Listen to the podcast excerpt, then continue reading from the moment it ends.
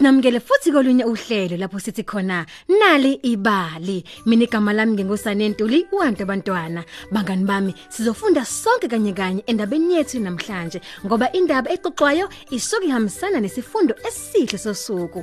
Kanti isihloko sendaba yethu namhlanje sithi umlingo webhodwe lophuthu. Ngakho asishoni sonke bangani bami sithi nali ibali.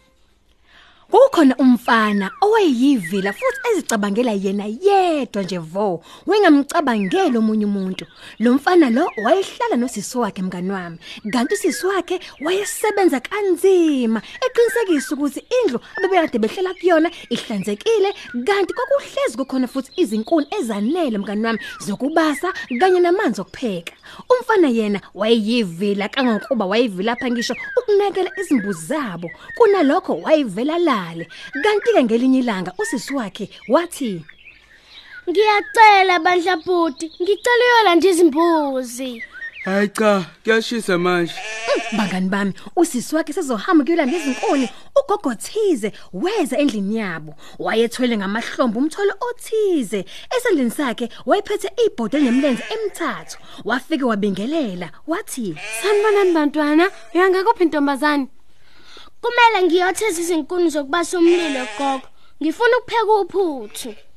Ngibona izimbuzi zeni phezulu egqumeni. Ulalele nobhuti wakho, azinakele inzoni. intombazane ayizange iziphendule kugogo ugogo yena waqhubeka nenkulumo wathi Ungazikhathazi ngokutheza izinkuni ntombazane. Woza uzohlala la kimi ngaphansi komthunzi wendlu. Kwasho ugogo wayeseqala phela ukukhuluma nebhodo lakhe lemlenze emithathu Pheka bhodwe elincane, ngemilenze yakho emithathu, ngicela wenze uphuthu. Ukuba sidle. Awu bangani bami, phambi kwamehla entombazane, ibhodo limnyama elincane labe seliqala ukugcwalisa ibhodo lophuthu. Ubhuti wakhe wayibukela naye engaphansi komthunzi wehlahla lapha ekade lelikhona. Ibhodo lagxapha, kwabe sekuphuma phela iphunga elimnandi nelicontisa amathe. Kuthe kusenjalo, ugogo wabeka izandla zakhe phela phezukwebhodwe, wayesethi ngephimbo lakhe elipholile. Siyabonga, siyabonga kakhulu.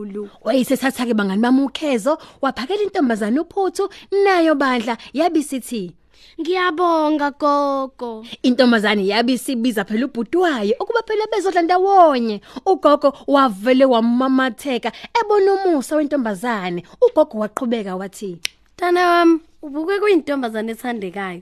Ngidinga intombazane efana nawe kube ingisiza.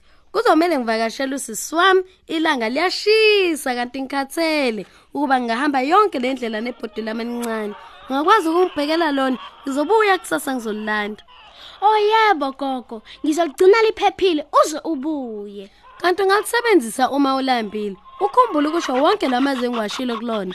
"Na ngempela intombazane yanxezisa ikhanda layo, ivuma phela wemngani." Sesihambile ke isikhathi lelo suku, ubhuti entombazane waqala manje wabalisa. Manje asisekho isidingo sobu uyotheza izinkuni. Ngakho ke sheshe wenze lebhodo lipheke. Ngidinga ukudla ngiyolala. Usisi wakhe wamaphezulu phela ebhodweni, wayesethi, Pheka bhodwe elincane, ngemilenze yakho emithathu, ngicela wenze uphuthu ukuba sidle. Ibhodo elincane labe seligcwala uphuthu umngani wami. Ubhuti wakhe washaya izandla ejabula seliphekile phela ngokwanele. Intombazane yabeka izandla phezukwebhodo yabisisholo phansi ngezwe lipholile. Yathi Siyabonga, siyabonga kakhulu. Kwaze kwakuhle. kuncoma ubhuti Ngeke siphinde sisebenze futhi sizohlezi sinokudla. Cha, sinakele ibhodwe lagogo nje kuphela. mngani wami ngosuku lwalandela intombazane kwakumele phela iye esigodini ukuyothola imfino Imasisi, ngikhombisa ukuthi luthola kanjani uphuthu kulebhodo. Ngifuna ukudla.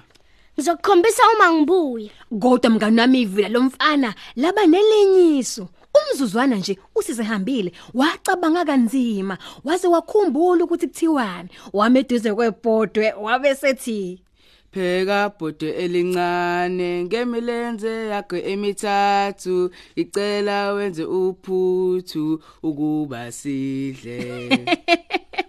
Awu mngani wami nakempela ibhode laqapha lazigcwalisa ngokwanele. Umfana yena wekade nonya waqala manje ukudla wakhohlwa ukubonga ibhode elincane. Ngakho ibhodo lali lokhu lipheke njalo wedade ophutho oluningi. Uphuthu lwaze lwachithekela phela ngaphezulu laze lwagcwala phansi. Imi ukupheka. Kwakumemeza umfana kodwa lalizoma kanjani ukupheka umfana ekhuluma amagama ongesiwona.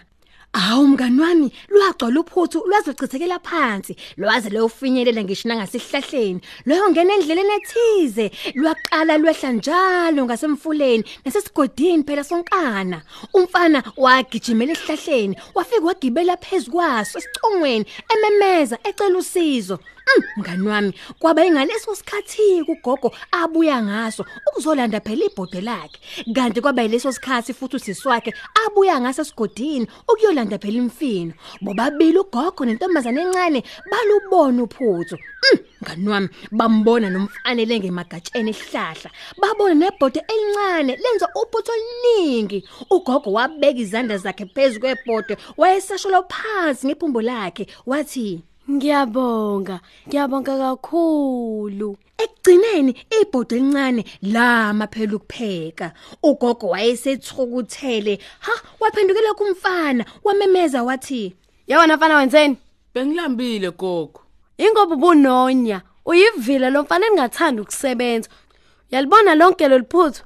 Ngeke uze ukumosha ukudla ongaka. Kuzomela uludle lonke. Ngizokwazi uma ungalidlanga. umama ke mngani wami wayesephakamisa phela ibhode lakhe limnyama, wahamba. Kwaba yilokhu kwakade kufanele kwenzeke kumfana. Usisi wakhe naye waqinisekisa ukuthi ubhodi wakhe uyaludla loluphuthu. Kusukela ke ngalelo langa wayengasalali ngaphansi komthunzi wesihlahla uma kushisa. Kunalokho wayengaphandle phela emadlelweni ezimbuzi enza umsebenzi wakhe futhi eqinisekisa ukuthi zonke izimbuzi ziphephile. Sesifike emaphethelweni ohlelo lwethu namhlanje. Indaba yethu namhlanje iyasifundisa ukuba singabi ngamavila angathanda ukusebenza futhi kumele sibacabangele nabanye abantu singabi nonya.